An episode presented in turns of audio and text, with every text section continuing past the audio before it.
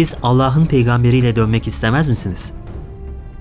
Allah'ın Resulü Mekke fethinin hemen arkasından Huneyn'e bir yıldırım harekatı düzenledi. Bu defa İslam ordularının içinde Ebu Süfyan gibi fethin müminleri de vardı. Huneyn'de bir ara İslam ordusunda bozgun yaşandı. Allah Resulü'nün etrafındaki birkaç kişiden biri yine İmam Ali'ydi.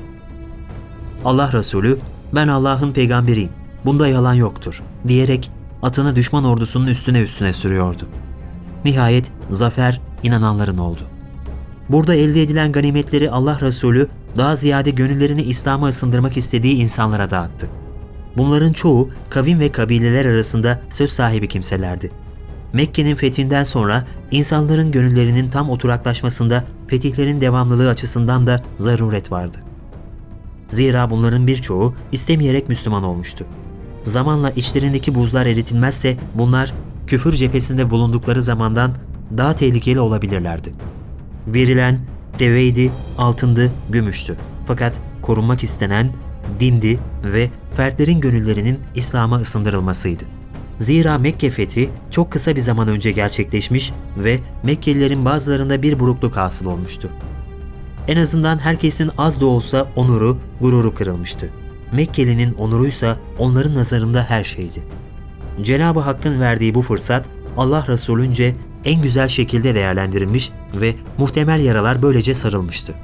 Ancak bu taksim Ensar'dan bilhassa gençleri biraz rahatsız etmişti. Hatta bazıları daha onların kanı kılıçlarımızdan damlıyor. Halbuki en fazla payı da onlar alıyor demişlerdi. Bu ise bir fitne başlangıcıydı. Söyleyen insanların az olması mühim değildi. Eğer bu fitne durdurulamazsa önü alınmaz bir yangın haline gelebilirdi. Kaldı ki Allah Resulüne karşı yapılacak en küçük bir itiraz insanı dinden imandan eder ve ebedi hasarete uğratırdı. Allah Resulü sallallahu aleyhi ve sellem hemen ensarın bir yerde toplanmasını ve aralarına başka kimsenin de alınmamasını emretti. Ensar toplandı. Allah'ın peygamberi, ''Ey ensar topluluğu, duydum ki gönlünüzde bana karşı bir kırgınlık hasıl olmuş.'' Diye başladı sözlerine. Böyle bir hitap, kitle psikolojisi açısından müthiş bir başlangıçtı. Çoğunun toplanma sebeplerinin ne olduğundan habersiz olduğu bir topluma ilk defa böyle bir sözün söylenmesi aniden vurulan tokat gibi herkesi kendine getirici mahiyetteydi. Sahabe zaten Allah Resulüne sallallahu aleyhi ve sellem itiraz edemezdi. En fazla kalplerinde bir burukluk hasıl olabilirdi ki bu da peygamberane bir tedbirle her zaman giderilebilirdi. Giderilebileceği hemen bu ilk sözde belirmeye başlamıştı bile. Evet, Allah Resulü'nün bu ilk cümlesi kalplerinde burkuntu hasıl ederek müthiş bir tesir icra etmişti. Derhal herkeste bir toparlanma oldu ve gözler Resulullah'a yöneldi. Bundan sonra söylenecek sözler muhakkak çok mühimdi. Herkes dikkat kesilmiş, söylenecekleri merakla bekliyordu. Allah Resulü'nün sallallahu aleyhi ve sellem bu ilk taarruzu istenen faydayı temin etmişti ama üst üste birkaç hamle daha yapması gerekmekteydi. Eğer yaptığı hamlelerde isabet kaydetmezse bu hamleler faydadan çok zarar getirebilir ve istenenin aksi bir durum ortaya çıkabilirdi. Bu itibarla buradaki ölçü çok mühimdi. İşte Allah Resulü'nün söz adına hamleleri. Ben geldiğimde siz dalalet içinde değil miydiniz? Allah benimle sizi hidayete erdirmedi mi? Ben geldiğimde siz yoksulluk içinde kıvranmıyor muydunuz? Allah benim vesilemle sizi zenginleştirmedi mi? Ben geldiğimde siz birbirinizle düşman değil miydiniz? Allah benimle sizin kalplerinizi telif etmedi mi? Efendimiz sallallahu aleyhi ve sellem her cümle ve soruyu bitirdikçe ensardan topluca şu ses yükseliyordu. Evet, evet, minnet Allah'a ve Resulünedir. Efendimiz tam zamanında ve yerinde sözün mecrasını çevirdi. Hislerin galeyana geldiği şu hengamda derhal Ensar namına da yine kendisi konuştu. Onların diyebileceği en kötü ihtimalle şu sözler olabilirdi ve işte o sözleri Allah Resulü sallallahu aleyhi ve sellem söylüyordu. Zaten bir Müslüman kendi peygamberine karşı bu şekilde hitap etmiş olsaydı mahvolur giderdi. İki cihan serveri sallallahu aleyhi ve sellem sözlerini sürdürdü. Ey ensar topluluğu! Dileseydiniz bana başka türlü de cevap verebilirdiniz. Mekke'den bize teksip edilmiş olarak geldin ve biz sana inandık. Terk edilmiş olarak geldin, biz sana sahip çıktık. Yurdundan kovulmuş olarak geldin, biz sana yuvalarımızı açtık. Muhtaç olarak geldin, biz senin bütün ihtiyaçlarını karşıladık. Bana bu şekilde cevap vermiş olsaydınız doğru söylemiş olacaktınız. Sizi yalanlayan da olmayacaktı. Ey Ensar topluluğu! Müslüman olmalarını istediğim bazı kişilere bir miktar dünyalık verdiğim için kalben gücendiyseniz herkes evine deveyle, koyunla dönerken siz evlerinize Resulullah'la dönmek istemez misiniz? Nefsim kudret elinde olan Allah'a yemin ederim ki insanların hepsi bir vadiye, Ensar da bir başka vadiye gitse ben hiç tereddüt etmeden Ensar'ın gittiği tarafa giderim. Eğer hicret meselesi olmasaydı ben Ensar'dan biri olmayı ne kadar arzu ederdim. Ey Allah'ım! Ensar'ı, çocuklarını ve torunlarını sen koru. Bu sözler karşısında ağlamayan tek fert kalmamıştı. Herkes hıçkıra hıçkıra ağlıyordu. Allah'ın Resulü'nün sallallahu aleyhi ve sellem şu kısa ve özlü konuşması muhtemel bir fitneyi anında bastırmış ve dinleyenlerin kalbini bir kat daha kazanmıştı. Ensar dediklerine, diyeceklerine bin pişman olmuşlardı.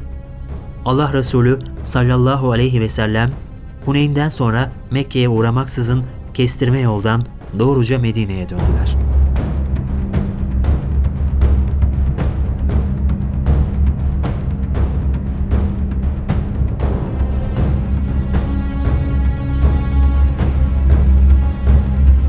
Tebük Allah Resulü'nün gerçekleştirdiği son yıldırım harekatından birisi de Tebük'tü.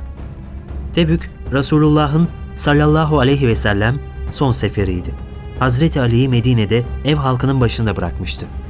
Münafıklar, Resulullah sallallahu aleyhi ve sellem ondan kurtulmak için Ali'yi Medine'de bıraktı dediler. Hazreti Ali ordunun arkasından koştu. Üç mil sonra yetişti. Durumu Resulullah'a anlattı. Ya Ali, yalan söylemişler. Seni geride bıraktıklarım için geride bıraktım. Hadi, ehlim ailem ve ehlin ailen için geride kal. Ya Ali, sen Musa'ya göre Harun'un yerinde olmaya razı değil misin? Ancak durum şu ki benden sonra peygamber yoktur. Hazreti Ali gönlü inşirah dolu bir halde geri döndü. İslam ordusu Tebük'te 20 gün kadar kaldı. Bizanslılar ortalıklarda görünmedi. Harp yayılmadı. Ama duyup işitenler üzerinde müthiş tesiri oldu. Düşmana öyle bir gözdağı verildi ki ancak büyük bir meydan muharebesinde aldığı hezimetle düşman bu kadar sinebilirdi.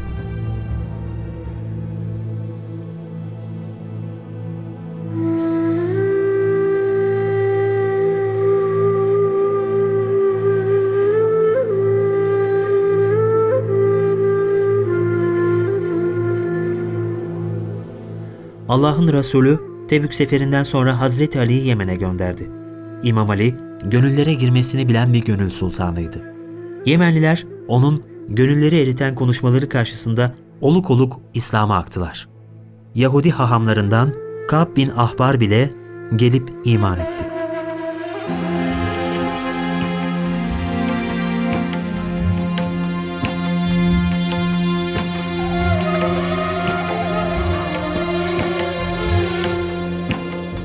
Derviş odasının emektar sobası hala coşkulu bir biçimde yanıyordu. Alevden atlar koşuyordu içinde. Gece bir hayli ilerlemişti. Dışarıda karayel kapıları pencereleri dövüyordu. Mehmet Hoca, bu gecelik de bu kadarla iktifa edelim, dedi. Yarın üveyeklerin sonsuzluğa uçuşunu anlatacağım. Bir köşede hep sessizce oturan Aziz amca, sağ ol hocam, dedi.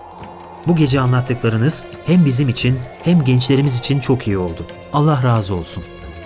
Odadakilerin kimisi çok iyi oldu diyerek, kimisi de başlarını sallayarak Aziz amcanın dediklerini tasdik ettiler. Mehmet Hoca kalktı. Odanın kapısı açılır açılmaz içeriye kuru bir soğuk doldu. Bütün odayı fır dolayı geçti. Odanın içi bir anda buz kesti. Oturanlar birer ikişer kalktı, ayrıldı. Derviş odasının ışığı gün ve geceden kubbede baki kalan yüzlerce ses arasında önce kısıldı, sonra da söndü.